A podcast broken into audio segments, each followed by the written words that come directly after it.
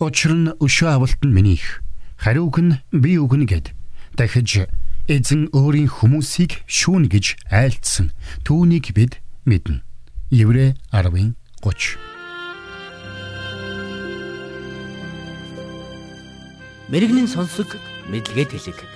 Ухаалаг нь мэрэгэн өдрөмжийг мөн авг. Доктор Харалт цаалогийн мэрэгэн зөвлөмж нэвтрүүлэг.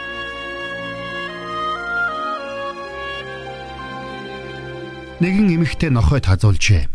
Тэр эмэгтэйг хадсан нохой галзуу өвчтэй байж болзошгүй гэж үздсэн учраас түүнийг эмнэлэгт аваачиж түүнийг галзуу өвчний халдвар авсан эсхийг тогтоохолжээ.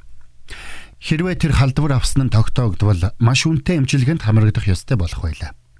Харин уг нохой халдваргүй болох нь тогтоогдвол тэр маш том асуудлаас чөлөөлөгдөх байсан.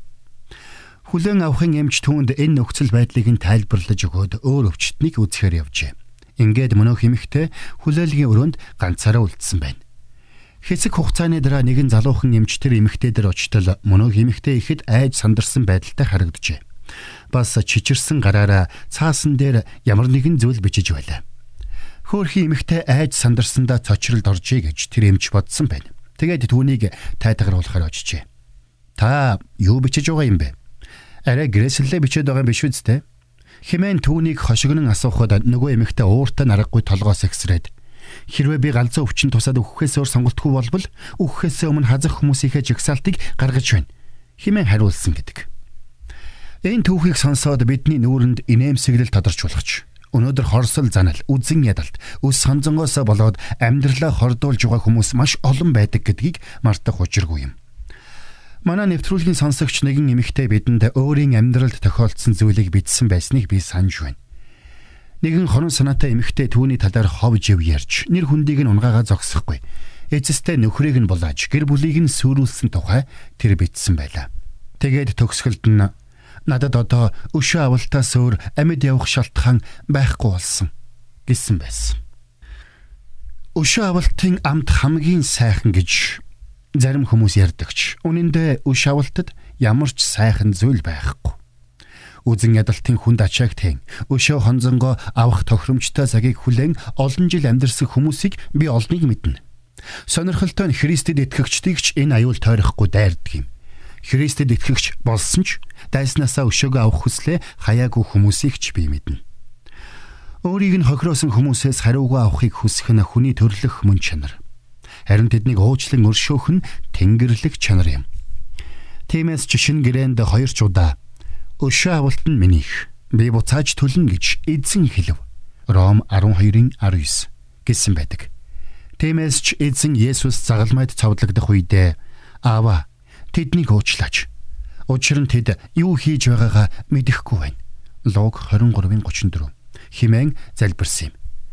Угтаа бол Есүс Христэд өш хонзонгоо авах бүрэн эрх байсан.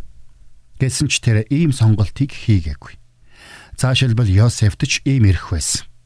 Ах нар нь натархсандаа болоод түүнийг боол болгон худалдсан байсан. Гэр бүлийн харилцаанаас болоод ах дүүс өөр хоорондоо түнжин хагарах тохиолдол олон байдаг.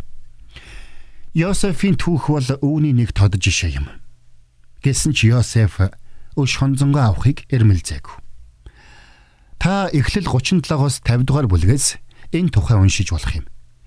Эцэст нь Йосеф яагаад ах нараасаа өшөө авахыг хүсээгүй болохоо тайлбарлан та нар намайг хорлох гэсэн боловч Бурхан өнөөдрийн шиг үе олон хүний амийг аврахын төлөө түүнийг сайнаар эргүүлсэн юм. Эхлэл 50-ын 20 химэн хэлсэн байдаг. Тэгвэл бид яагаад өш хонзонгоо авч болохгүй гэж. Нэгдүгээрт Бид өөрсдөө гим нүгэлтэй сул дорой учраас бидэнд өш хонцонгоо шударгаар авах чадвар байхгүй. Бас тийм эрхч байхгүй юм.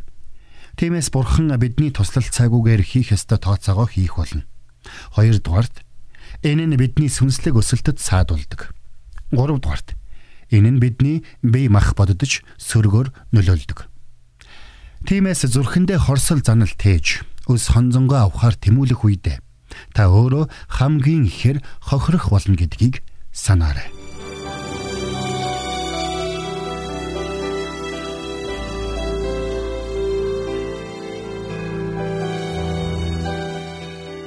Мэргэн нэгнийг дагуул мэргэн мулгуутай нөхөрлөл хорлол.